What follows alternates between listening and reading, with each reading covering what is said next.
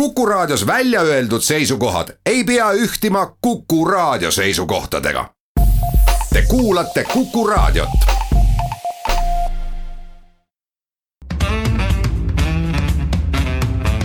muuli ja Riikoja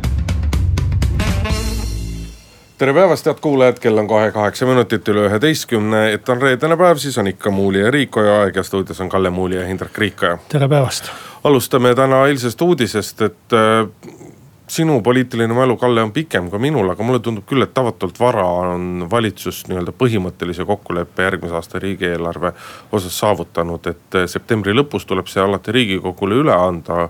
aga tavaliselt see jääb ikkagi sinna päris selle aja lõppu, aga nüüd on, pole veel õieti nagu poolest septembriski see aeg. no kui sa nüansse jälgid, siis paar-kolm pisiasja on veel kokku leppimata, aga, aga äh, noh, selles mõttes eks see aeg läheb varasemaks äh, ka seetõttu, et tehakse põhjalikumalt neid nelja aasta kavasid. et see ka paneb juba või teeb äh, koostamise lihtsamaks natuke ja kui majandus kasvab, siis on riigieelarvet alati lihtne koostada. nii et räägime riigieelarvest esimesena. ja teiseks räägime Keskerakonna ja Reformierakonna otsustest heita enda nimekirjadest välja terve hulk liikmeid. Äh, Keskerakonnal siis nimekamaks Olga Ivanova ja Reformierakonnal Urmas Sukles õiguskantsler Ülle Madise on teinud ettepanekud, et peaks seadusi muutma, et korruptsiooniga kohalikes omavalitsustes tõhusalt võidelda, sellepärast et tänasel hetkel kehtib praktika, et tihtipeale isegi kui keegi süüdi mõistetakse, siis nii-öelda kohalik omavalitsus saadud kahjut ei hakka küll kuidagi kinni nõudma ja võtab mõne inimese pärast vangimajas käiku võib-olla tööle tagasi. no ja neljandaks räägime ka ettepanekuteks, ettepanekutest, aga Euroopa Liidu äh, komisjoni presidendi Jean-Claude Junckeri ettepanekuteks, ettepanekutest reformida Euroopa Liitu. mille ta siis tegi oma iga-aastases, igasügises kõnes. väikese tormiveegla siis põhjustas selle nädala keskel ka uudis, et politsei on järsku hakanud Facebooki pidama välimeedia kanaliks ja tahab seal poliitreklaami keelustada. küll ruttu oma suhtumist korrigeeriti, aga pisut räägime saate lõpus sellestki. muuli ja Riikoja kahe tuhande kaheksateistkümnendal aastal saab siis Eesti riik uhkeldada ajaloo kõige suurema riigieelarvega, üle kümne miljardi euro on selle maht. kui ikkagi veel tuletada seda krooniaega meelde, siis suurusjärgus sada kuuskümmend miljardit krooni oleks riigieelarve maht järgmisel aastal sa vaatad nii küsivalt otsa, ma ju arvutasin õigesti. ei, ma tuletasin lihtsalt meelde neid krooninumbreid, et hakkavad meelest ära minema jah. et krooni ajal oli ta minu mäletamist mööda, võin nüüd eksida, ei, ei vaadanud neid numbreid järgi, aga peast ütlen, et krooni ajal hakkas ta ligi, liginema sajale sajale miljardile, siis et olid üheksakümnega mingid need äh, suuremad numbrid.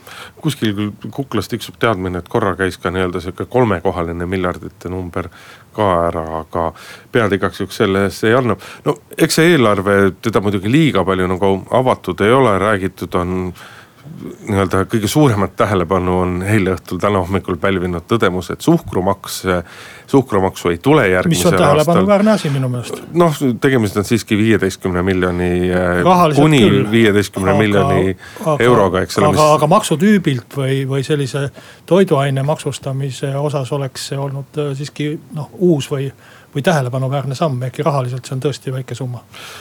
räägitakse ka sellest, et null koma kahekümne viie protsendiga SKP-st jääb riigieelarve miinusesse, aga noh eks eelarvetega on alati niimoodi, et koalitsioon on, on suhteliselt rahul, ärme ütle väga rahul, suhteliselt rahul, opositsioon ütleb, et äh, see riigieelarve ei kõlba mitte kuhugile.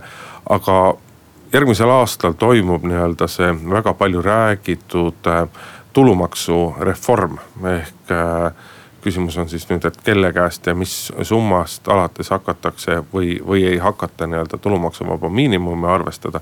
ja kui me nüüd sellele muudatusele mõtleme ja selle muudatuse hinnale mõtleme, siis võib küll öelda, et nii suurt ja nii põhimõttelist muudatust riigieelarves ei olegi juba väga pikki aastaid olnud.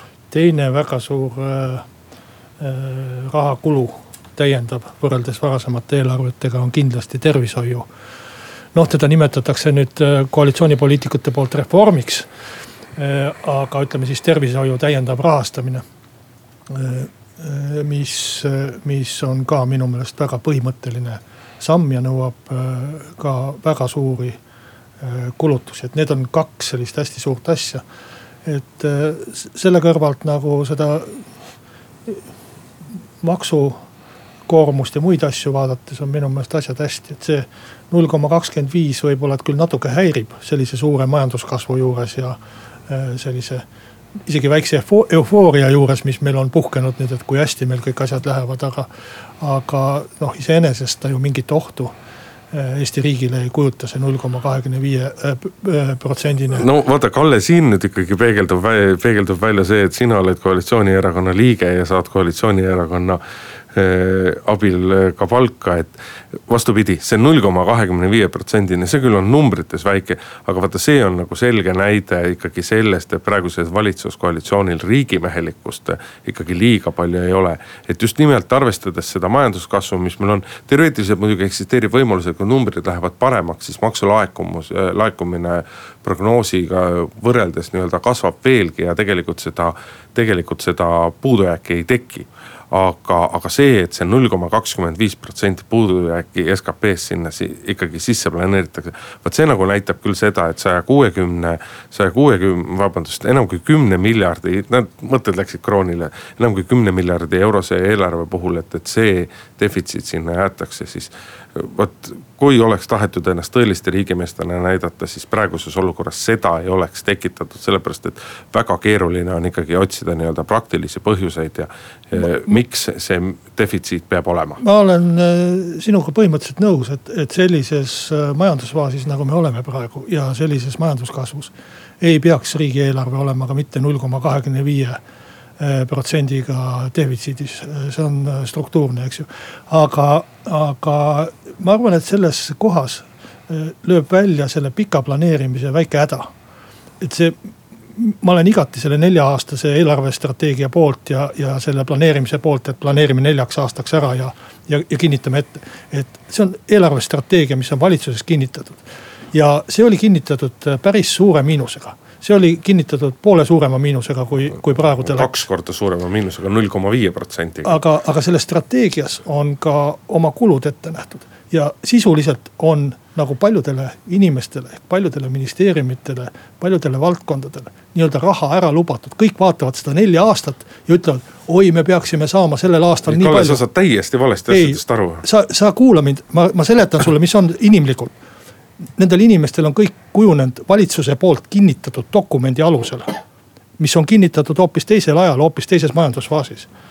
on kujundatud, kujutatud teatud ootused ja neid ootusi nüüd hakata maha võtma, on, ongi inimlikult raske. et selle, selle, see on see põhjus, ma arvan. kui oleks tehtud eelarvet nullist, et meil ei oleks nagu üldse mitte midagi ees et ma arvan, et seda oleks lihtne teha olnud ka üle, ülejäägiga. ei, Kalle, sa saad täiesti valesti aru, aga lase ma aitan sind ja lase ma seletan, ma saan aru, erakondlik kuuluvus pimestab. selle siin ei ole, siin ei ole erakondlikkusega midagi. oot, oot, aga luba. riigieelarve tegemise protsess. ei, luba, ma räägin, asja probleem ei ole mitte pikaajalise planeerimise häda, vaid asja probleem on see, et pikaajaliselt ei taheta planeerida. asja probleem on selles, et praegune vali-, valitsuskoalitsioon on kõike muud kui kindel selles, et ta saab ka pärast kahe tuhande üheksateistkümnenda aasta valimisi, pooleteist aasta pärast valitsuses jätkata ja eesotsas Keskerakonnaga, kõik oma asjad tahetakse nüüd ruttu ära teha. mitte ei mõelda niimoodi, et teeme osad asjad kahe tuhande kaheksateistkümnendal, osad kahe tuhande üheksateistkümnendal ja osad kahe tuhande kahekümnendal asjal. see aastal, see on selle asja probleem, et kõik asjad tahetakse suruda nüüd praegu sellesse ühte eelarvesse sisse ja sealt tekib eelarve defitsiit. mitte sellepärast, et eelarvet on pikaajaliselt ette planeeritud, seal on küsimus ja ma probleem. ma räägin sulle ka, miks taheti väga suruda, sel hetkel, kui valitsus tuli võimule Äh, oli äh,.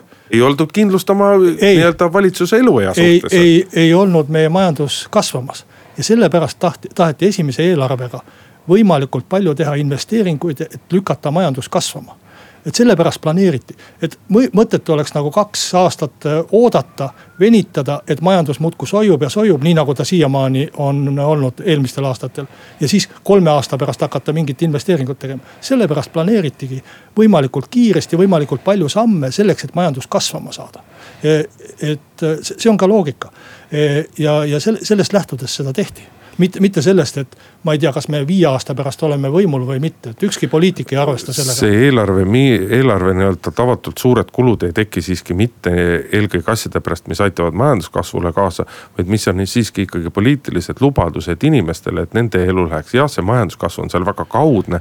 aga neid samme ei astuta mitte sellepärast, et majandust kasvatada, vaid sellepärast, et inimestele meele järgi olla. aga kas sa, kas sa arvad siis tõesti, et, et tervishoidu oleks pidanud rahastama mitte nüüd järgmine aasta, vaid kolme aasta pärast? oleks see nagu mõistlik olnud? Ei no vaata kõik asjad samm-sammult, seda ma sulle räägin, kõik asjad samm-sammult, ega võib ju küsida, et kas sedasama nii-öelda tulumaksureformi ka peab tegema nii järsult või oleks selle võinud ka näiteks aasta või kahe peale laiali jaotada, et vot see on see riigimehelik.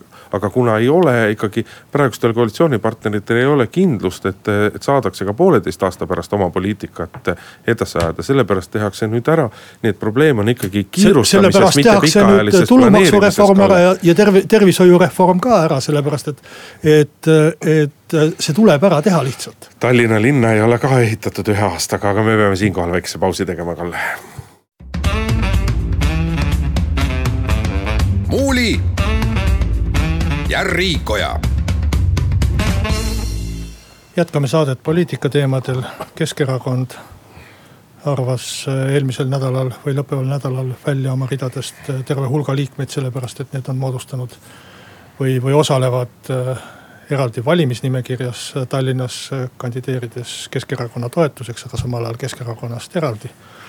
ja Reformierakond arvas samuti suure hulga Haapsalu või Läänemaa inimesi oma erakonnast välja, sest need äh, teevad seal samuti omaette nimekirja Urmas Suklase kauaaegse linnapea äh, juhtimisel. no minu hinnangul äh, need väljaarvamised on ainuvõimalikud variandid, et tegelikult juba erakonna põhikiri näeb ette, et erakonna liige peab ja, ja iga erakonna põhikiri põhimõtteliselt näeb ette, et erakond äh,, erakonna liige peab erakonda toetama ka valimistel ja nii edasi, nii edasi. et jutt sellest, et ma nüüd teises nimekirjas kandideerides toetan oma erakonna on päris pentsik.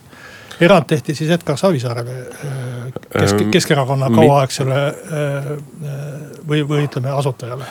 mitte ainult Edgar Savisaarele, vaid just oligi ju, et erand tehakse asutajaliikmetele, sellepärast et ja nagu Jaanus Karilaid ütles meie enda eetris, ma tõenäoliselt ma kardan, et ma ei tsiteeri teda väga täpselt, aga, aga et eh, nad on küll, nad on küll oma hinges eksinud, aga nendega käitutakse teistmoodi või kuidas iganes see oli. et me oleme siin saates ju varem ka sellel teemal rääkinud, et tõepoolest noh, nagu väga keeruline on aru saada, et ma tahaks kogu aeg Olga Ivanovalt, aga Olga Ivanova tuleb muuseas äh, täna Kuku raadiosse kella kahest kolmeni on ta ka laiendatud Vox Populis ehk inimesed saavad talle küsimusi esitada. küsida, et noh, et, et kui sa lähed erakonna vastu kandideerima, siis kus kohas on see, et sa seisad selle erakonna väärtuste eest ja sa mõtled sellele erakonnale, sa tahad sellele erakonnale head, et ma ei saa sellest aru. minu jaoks küsimus on hoopis selles, et kas nüüd Keskerakond ja Reformierakond saavad selles mõttes jätku, et noh, et kuidas rekla-, kuidas käitub näiteks Isamaa Res Publica liit, sinu koduerakond, et mitmeid teisel pool kandideerijaid kandideerijaid on, noh kõige tuntum, kõige tuntum neist on äh, Katri Raik, praegune Sisekaitseakadeemia rektor, kes on Narva linnapea kandidaat Sotsiaaldemokraatliku Erakonna nimekirjas, ometi olles ise IRL-i nimekirjas. Ja, ja tema on ju ka varem seda teinud, et sotside nimekirjas Narvas kandideerinud. Ja. ja tegelikult pea kõigil erakondadel on need, on neid näiteid, ainus, kes pääseb, on Vabaerakond, sest et nemad ei tule erakonna nimekirjadega välja, eks ole et, äh, et kuidas teised erakonnad käituvad, et see, see on ju ikkagi tegelikult erakonna nii-öelda selgroo, selgroo näitamine ja ja eks Keskerakonnas oli ju ka juhatuses väga palju neid, kes arvasid, et siiski ka Edgar Savisaare oleks pidanud välja viskama. aga noh, nii palju nii-öelda pragmatismi on nendes olemas küll, et nad saavad aru, et, et sellega nad lihtsalt oleksid loonud Edgar Savisaarele märtri oreooli. sest Edgar Savisaar on ju meeletult pingutanud selle nimel, et ta visataks koduerakonnast välja nojah, ma saan sellest Keskerakonna taktikast aru, aga, aga ma arvan, et eh, sirgem ja, ja selline põhimõttekindlam joon oleks eh, ikkagi puhta nurgaga ja tulise rauaga ja kõigi suhtes ühtviisi, et oled sa seal asutajaliige või mitte asutajaliige, et. aga, aga see on erakonna enda siseasi, et eh, jah, IRL-is on ka siin-seal sellise, sedalaadi probleeme ja minu hoiak on täpselt samuti nagu, nagu ma siin väljendasin Reformierakonna või Keskerakonna suhtes, on ka oma erakonna sees, et, et sa kas kandideerid valimistel IRL-i nimekirjas või siis erakonna juhtkonnaga kokkuleppel mingisugustes teistes kohtades juht-, juhul kui äh, oma erakonnal seal nimekirja ei ole. ma korra segan Aga... sulle vahele, ma täpsustan seda, et Katri Raik ei kandideeri Narvas mitte sotside nimekirjas seekord, vaid valimisliidu Meie Narva nimekirjas, aga IRL-i nimekiri on seal ole-, Narvas täiesti olemas. ja aga, aga minu arvates ikkagi tuleks erakonnast sellised inimesed välja heita, samas ma ei kuulu juhatusse ega saa neid, neid otsuseid kuidagi aga kas sa liikmena, erakonna liikmena ettepanekut ei saa teha või aukohtule kaebust teha või midagi sellist? no igasuguseid asju saab inimene teha ja saab igale poole kirju saata, aga noh, kas, kas on mõistlik, kui meil on olemas selle jaoks äh, omad äh, piirkonnad, omad äh, eetikakomitee, komisjonid, omad juhatused.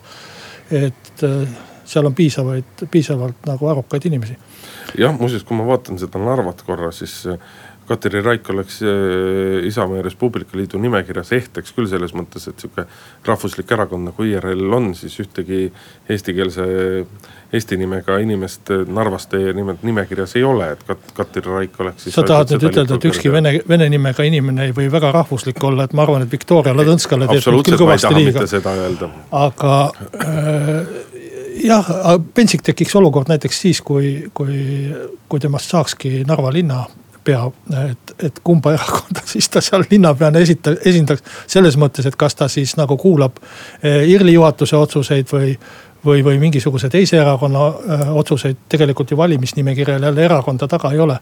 väga, väga keerulised olukorrad, sellepärast minu meelest eh, tuleks neid lihtsalt ja, ja jõuliselt ja ühemõtteliselt ka lahendada, et sa kas oled erakonnas ja või, või sa ei ole erakonnas, aga, aga, aga niiviisi, et olen ühes ja kandideerin teises ja siis veel esindan kedagi kolmandat, et minu meelest. see on valijatele udutamine ja sogamine, see on oma erakonna suhtes äh, väga äh, ebaaus käitumine noh, jah, võib erandeid teha, aga see peab olema erakonna juhtkonnaga siis juhatusega kokku lepitud. et selles mõttes on teatud mõttes noh, nagu Vabaerakonna käitumine on selles mõttes ühest küljest nagu sümpaatne, et nemad erakonnana välja ei tule, ütlevad, et nemad valimisliitudes on. ausalt öeldes on see mulle ka sümpaatne, et, et kolme, kolme protsendi peale nad on kukkunud. et et, et ühest küljest jah, nad, nad näitavad niimoodi oma sõltumatust, aga eks need teisest küljest pisut on nende sellises plaanilises ja sellises sammus Kuule, pragmatismi selles kui, mõttes. kui noh, üks erakond ei osale valimistel, mis erakond ta siis on? Ei noh, vaata küsimus ongi nüüd, et vaadake see KOV-i valimised ongi natuke siiski teistmoodi. et need nagu ei olegi valimised või? no vaata erakonnad seal just, seal nagu justkui kandideeriksid erinevad erakonnad. ma ei võta vaatad... kohalikes omavalitsustes oma erakonnaga vastutust. oota, oota luba, ma lõpetan, mitte ära sega vahele. et kui sa vaatad seda, et kuidas üks ja sama erakond aeg-ajalt käitub nii-öelda riigi tasandil ja kuidas ta käitub käitub kohalikul oma tasandil, siis tundub, et need on nagu era-, et Reformierakond on kogu aeg riigis öelnud, et Keskerakonnaga meie mitte mingil juhul koostööd ei tee ja koalitsioonis ei ole. aga KOV-is sobib neil küll olla, et see oleks nagu er, eraldi erakond, et selles mõttes on natuke teistmoodi. muuli ja Riikoja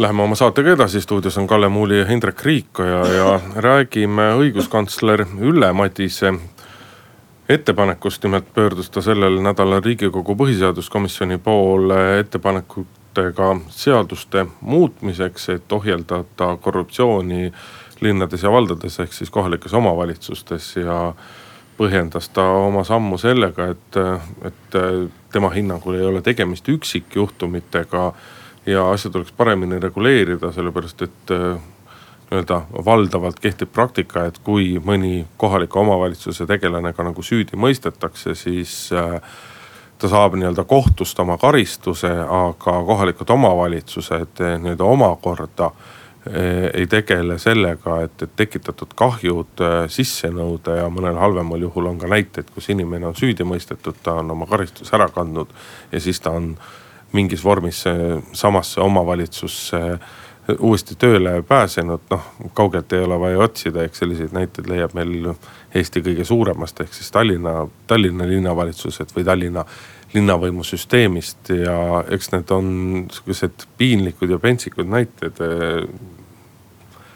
ja noh, on ainult kiiduväärt, et see teema nagu on eh, üles võetud, et loomulikult võib küsida, et mispärast õiguskantsler tuli selliste ettepanekutega välja just nimelt nüüd, kui järjekordsete kohalike omavalitsuste valimisteni on jäänud napp kuu aega, et äh, see teema iseenesest minu teada küll on õiguskantsleri laual nagu mõnda aega juba olnud, aga noh, ma usun, et eks siin nagu väikene väike nagu taktika oli ka, et, et sellele teemale nagu rohkem tähelepanu saada ja et, et see asi ka nii-öelda need vankrirattad paremini veerema panna, sest et oleme ausad, et ega ei ole ju tegelikult väga paljud poliitikud ei ole tahtnud selle teemaga tegeleda siiamaani väga nojah, ma arvan, et äh, nüüd kõiki asju kogu aeg valimistega seostada. ja, ja, ja poliitikute puhul jälle kogu aeg reitinguga seostada, et mu meelest on need suhteliselt meelevaldsed, et lihtsalt riigikogul. no tavaliselt siiski mitte. riigikogul algas äh, tööaasta või, või, või järje, järjekordne istungjärk ja hooaeg. jah, aga õiguskantsler oleks võinud ju ka kuukese oodata, et valimised mööda ja siis teha sellised ettepanekud. et tegelikult ju ega neid äh, arutatakse ikkagi kuid ja kuid ja palju pikemalt. lugesin päris detailselt ja ausalt öeldes ei leia ühtegi kohta, millega seal norida või rahulolematu olla, et minu meelest on need väga mõistlikud ettepanekud noh, tegelikult esi... on need ettepanekud, mille kohta tahaks kuul-, küsida, et miks te nüüd, et, et, et miks esi... seda juba ammu tehtud ei ole ja poliitikud ise. esimesest viimaseni. tegelikult miks seda ammu tehtud ei ole, et sellest, kui, kui nagu selle ettepanekute nagu sellist mõelda nagu üldisemalt ja natuke nagu tausta peale, siis ikkagi ajab äh, kuidagi hirmujudinad selja peale, et mis nende ettepanekute selline põhjus on ju, on ju see, et äh, eelduseks on see, et kohalikud omavalitsused on nii korrumpeerunud, et nad sihilikult ja teadlikult seadusest mööda hiilides võtavad tööle kurjategijaid või kuriteo eest karistatud inimesi, on nii korrumpeerunud et ei nõua nendelt kurjategijatelt äh, kahju hüvitamist äh, ja, ja nii edasi, nii edasi. et see, see on see põhjus, miks õiguskantsler teeb ettepaneku äh, sekkuda seadusega ja kohustada seadusega ja kui ja, ja osades ettepanekutes on ju ka see, et kui kohalik omavalitsus hoolimata sellest, et seadusega on pandud kohustus. ei täida seda, et siis võib näiteks varalise kahju sissenõudmise õigus üle minna mõnele teisele riigiasutusele kes siis hakkaks kohaliku omavalitsuse eest nõudma seda kahju sisse. et äh, see tegelikult äh, mu meelest äh, õiguskantsler küll seda otseselt välja ei ütle, aga näitab seda, et korruptsiooni tase kohalikes omavalitsustes on ikkagi päris, päris hull. et me sellisel kombel peame seadusega sekkuma, aga, aga ma toetan loomulikult neid ettepanekuid ja minu meelest on need väga mõistlikud, et kui tõesti kuskil kohalikus omavalitsuses on võimule pääsenud äh, mingil, mingisugusel äh, demokraatlikul viisil äh, inimesed, kes tegelevad kuritegevusega sel määral, et, et nad teistelt kurjategijatelt ei nõua sisse kuriteoga tekitatud varalist kahju. et siis, siis riik peab sekkuma kuidagi ja, ja, ja andma need õigused kellelegi teisele need kahjud sisse nõuda. jah, ja me oleme ju praegu olukorras, kus toimumas on haldus, haldusreform, volikogusid äh, valitakse tunduvalt väiksemale hulgale kohalikele omavalitsustele, kui see oli neli aastat tagasi. aga ega see, et, äh, et kohalikud omavalitsused muutuvad suuremaks, et, et asja ainult üks külg on see, et, et justkui mingite kohtade pealt võib-olla nii-öelda korruptsioonirisk väheneb. aga samas tegelikult väga paljudes äh, väga paljudes kohtades korruptsioonirisk suureneb ja suureneb just nimelt seetõttu, et omavalitsused muutuvad suuremaks, nende raha, kasutatavad rahalised vahendid muutuvad suuremaks. kust need, kust need korruptsioonijuhtumid tulevad, peamiselt eelkõige erinevad hanked ja sellised asjad, kus siis nii-öelda ametnik omakasu nimel soosib ühte või teist pakkujat, halvendab teiste konkurentide tingimusi eh, nii-öelda need ahvatlused tegelikult eh, omavalitsuste suurenedes muutuvad veel suuremaks, sellepärast et eh, rahad, mis mängus on, muutuvad veel suuremaks ja, ja seetõttu noh, võiks isegi öelda, et need Ülle Madise ettepanekud on hädavajalikud. üks asi, üks asi, millega õiguskantsler veel tegeleb, mida me ei ole maininud seal nendes oma ettepanekutes, on volikogu liikme töötamine mõnes kohaliku omavalitsuse asutuses sellise koha peal, mis, mis tekitab Äh, huvide konflikti või korruptsiooniohu sel moel, et äh, volikogu liikmena inimene on pandud kontrollima seda asutust või, või sellele asutusele ka raha eraldama. Äh, ja, ja samas ta ise töötab seal. et mu meelest on see samuti probleem ja, ja, ja eriti võiks käituda niiviisi näiteks nende kohalike omavalitsuste organisatsioonide ja äriühingutega, mille nõukogusse määratakse volikogu liikmed, et kui me riigi tasandil saime teha selle, et riigikogu liikmed äh, ei kuulu enam äh, riigi äriühingute nõukogudesse ja, ja moodustatud nimetamiskomitee, kes nimetab hoopis teisi inimesi sinna vastavalt asjatundlikkusele. siis tegelikult võiks kohaliku omavalitsuse tasandil täpselt samuti olla, et, et volikogu liikmed kui, kui järelevalveorgani liikmed ei peaks, peaks olema äh, kohaliku omavalitsuse äriühingutes äh, nõukogu, nõukogu äh, liikmetena lihtsalt selle tõttu, et nad on tublid poliitikud. muuli ja Riikoja. jätkame saadet Euroopa Liidust meieni tulevate uudiste valguses. kas kui... jätkame siseteemadega või välisteemadega? seda, seda võiks äh, käsitleda nii sise kui välisteemadena, et eks Euroopa Liit mingis mõttes ole meie siseasi ja äh, mingis mõttes ka välisasi. et äh, Euroopa Komisjoni president pidas siis parlamendi ees suure tähtsa iga-aastase kõne, kus ta šokeeris võib-olla äh, ajakirjanikke või rahvast ka uudisega sellest, et tema enda ametikoht tuleks ära kaotada või õigemini ühendada see liidu nõukogu presidendi ametikohaga. aga ütleme nii, et see on valdkonnast äh, selliseid äh, intellektuaalselt huvitavaid mõtteid. ja mis võib-olla oligi ainult välja käidud selle jaoks, et kuidagi mingit tähelepanu pälvida ja selle, selleks, et me seda siin mainiksime aga tegelikult äh, noh, jutt käis ikkagi põhimõtteliselt Euroopa Liidu äh, liikumisest ühtse riigi suunas. Äh, Euroopa Liidule rahandusministri ametikoha kujundamiseks, sellest küll räägiti sel taustal, et ta oleks üks, üks volinikest, kes praegu rahandusküsimustega tegeleks, oleks siis rahandusministri rollis ja, ja, ja palju, palju muid selliseid asju, mis, mis näitasid nagu komisjoni sellist suurt soovi ikkagi Euroopat äh, kujundada ühtse riigi suunas, mitte, mitte niivõrd riikide liidu suunas, et. et, et see selline kesk, keskse juhtimise nagu vastandumine sellele, mis tegelikult praegu toimub äh, vähemalt Ida-Euroopas, kus, kus Poolast Ungarini käib äh, noh, väga selge ja jõuline vastuseis teatud Euroopa Liidu eh, poliitikatele või, või, või sellisele ühtsuse taotlemisele. no see on asja üks viis nagu vaadata seda selleni, et, et ettepanekut, kuidas jõuda nii-öelda ühtse Euroopa, Euroopa riigini. teisest küljest, ega kui me võtame mitmed need, mitmed need ettepanekud ja, ja laiendame neid tegelikult mõtteks, et et Euroopa Liidu nii-öelda juhtimisstruktuurid vajaksid nagu selgemat korrastatust ja, ja et oleks nii-öelda vähema, vähem erinevate kuppudega erinevaid ametnikke, kelle, kelle funktsioon või vastutusala või õigused ja tegelikult seeläbi ka kohustused on pisut nagu ähmased. siis ega need mõtted või, või selliste mõtete veeretamine ei ole ju ka sugugi mitte sugugi mitte vale ja kõike seda võib rääkida ka kontekstis, et Euroopa Liit jätkab ikkagi riikide, riikide ühenduse, ühendusena. et noh, kriitikud on juba öelnud, et, et sa võid lõputult Euroopa Liidus nagu rääkida sellest, et kuidas vähendame struktuure, vähendame ametnike arvu ja nii edasi. aga ega need ametnikud ei ole kunagi selleks valmis, ega nemad ei kunagi seda nii-öelda valmis tegema ei ole. et tegelikult praegusel hetkel on ju ka Euroopa Liidule, arvestades Brexitit, on ju väga hea nagu võimalus ka, ka enda struktuuri korrastada ja see muuta nagu mõistlikumaks ja bürokraatlikumaks, et. et noh, muidu me jõuamegi selliste absurdideni, et, et kui me siin meenutame kaks tuhat kaheksa, kaks tuhat üheksa, kui igal pool Euroopa Liidus olid äh, oli majanduskriis igal pool, nii erasektoris kui riigisektoris, kärbiti palku ja nii edasi, mitte ainult Eestis, vaid ka väga paljudes teistes riikides.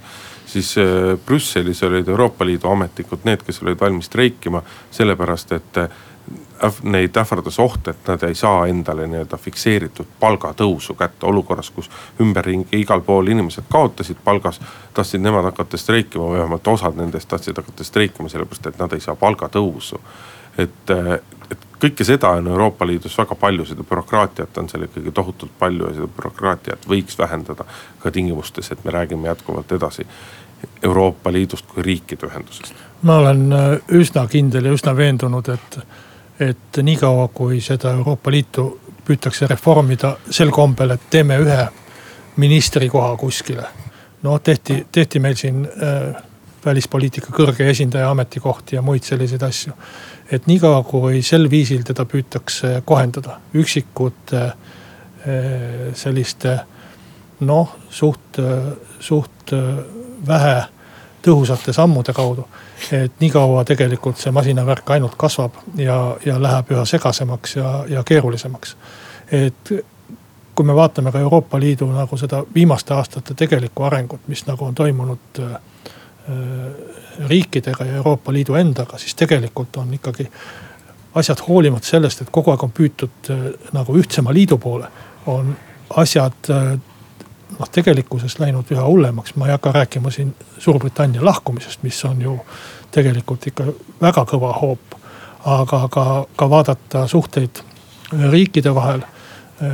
kasvõi Ida-Euroopa ja Lääne-Euroopa või, või Ida-Euroopa ja siis ütleme Euroopa Komisjoni vahel.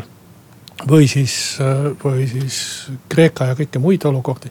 et, et me ei saa, me tegelikkuses Euroopa Liit justkui laguneks, on võib-olla palju öeldud, aga, aga on üha suuremates erimeelsustes ja lõhedes.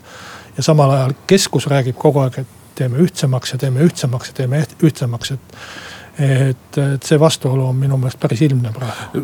loomulikult on see vastuolu ilmne ja selle vastuolu üks suur põhjus on, ongi tegelikult see, et et see bürokraatiline masinavärk muudkui kasvab ja kasvab ja kasvab ja paisub ja paisub ja paisub. Needsamad inimesed, kes seal kuskil kõrgel, kaugel Brüsselis räägivad ja Luksemburgis räägivad sellest, et oleme ühtsemad, oleme ühtsemad. Nad tegelikult järjest rohkem nii-öelda kaugenevad nendest riikidest nende riikide juhtkondadest, nende riikide rahvast.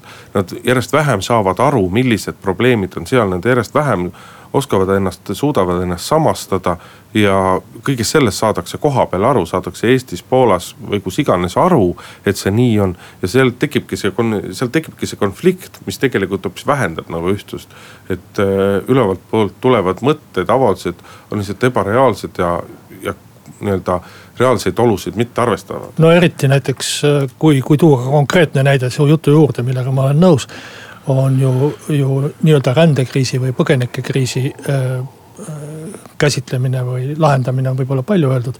et kui, kui eluvõõralt ja elukaugelt seda asuti tegema, kui palju probleeme endale juurde tekitati sellega selle kõige totakama kvootide süsteemiga millest Eesti on tulnud tegelikult äh, minu meelest väga hästi läbi. me ei ole tülli läinud Euroopa Liiduga, me ei ole ütelnud sada protsenti ei, aga samal ajal me ei ole tekkinud, tekitanud endale ka põgenikega siin mingisugust probleemi, sest neid on nii vähe. aga kui me vaatame seda kasvõi Eesti põgenike käitumist, siis see ümberasustamine kvootide järgi on ju täiesti mõttetu tegevus. inimesed veetakse maale, kuhu nad tegelikult ei taha tulla siis nad põgenevad siit, elavad siin kolm kuud, siis nad lähevad siit ära Saksamaale, kuhu oleks võinud kohe nad siis viia või, või kodumaale tagasi saata. ja, ja, ja selline solgutamine ja mõttetus ja selle solgutamise ja mõttetuse pärast on siis Euroopa Liidu riigid omavahel tülli läinud. Poola ja Ungari käivad kohut, mõned riigid veel ja, ja, ja, ja, ja, ja, ja tüli tühjast selle asemel, et, et kuidagi teistmoodi seda lahendada, mitte mingisuguste sundkvootidega, mis on sund nii põgeniku jaoks kui ka vastuvõtva riigi jaoks, mida kumbki ei taha tegelikult täita. muuli ja Riikoja saate lõpuks räägime aga veel valimistest või täpsemalt öeldes valimisreklaamist. nimelt äh, üllatas ja ma julgen öelda, et üllatas kõiki nädala keskel esile kerkinud uudis, et keskid politseist on on leidnud, et eh, Facebookis ei tohi poliitikud enam reklaami teha, sellepärast et see läheb, see liigitub eh, välireklaamiks, mis teadupoolest on kuu aega enne valimisi keelatud. Noh, ma arvan, et see avaldus ei tekitanud nõutust mitte ainult poliitikutes, vaid, vaid kõigis pisutki mõtlevates inimestes, et. et mispärast sai, et mispärast, kui internet on internet on nagu internet, siis üks osa internetist on järsku tänav jah, noh, võiks visata nüüd nalja siin midagi inspektor Kukekesest ja, ja muid selliseid asju, aga tegelikult ega politsei on pandud keerulisse olukorda, aga mitte sellepärast, mida on palju öeldud, et seadus on segane, politsei ise ütleb seda. no seadus, ka. seadus ei ole segane, aga äh,, aga. süsteem on jabur. aga asi on selles, et kui sa võtad vastu seaduse, et välireklaam on keelatud. ja politsei peab hakkama selle täitmist kontrollima, siis politseis peaksid olema selle ala spetsialistid, nad peaksid aru saama mis on äh, valimisreklaam, mis on välireklaam, mis on internetireklaam. nüüd sa lähed liiale, minu arust iga lihtne inimene peaks aru saama, mis asi on tänav ja mis asi on internet. ei oota, äh, vaata liikluspolitseinikke õpetatakse välja.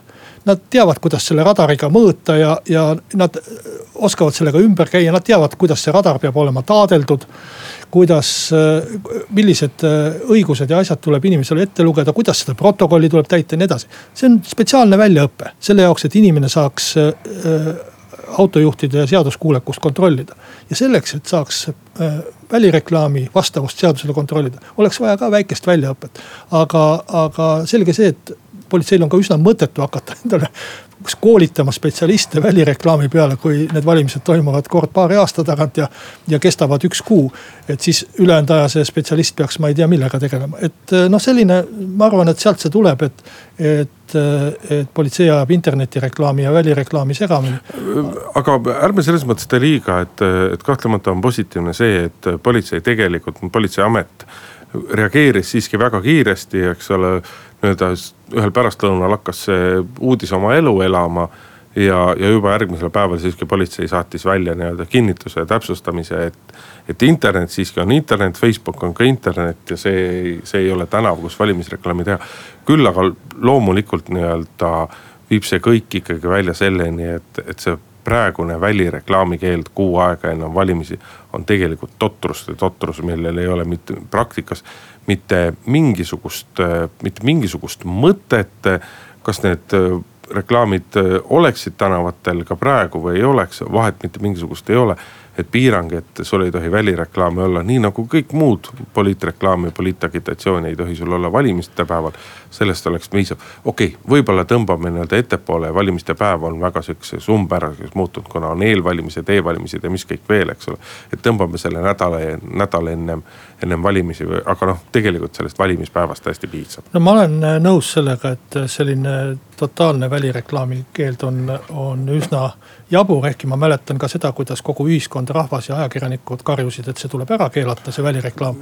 no aga, ei olnud aga, see päris niimoodi. aga ma olen nõus sellega, et, et märksa mõistlikum oleks seada erakonnale või erakondadele valimiskulutuste ülempiir ja jälgida seda pigem. aga tänasele saatele tõmbame joone alla, Kalle Muuli, Hindrek Riika olid stuudios nädala pärast jälle, kuulmiseni. muuli ja Riikoja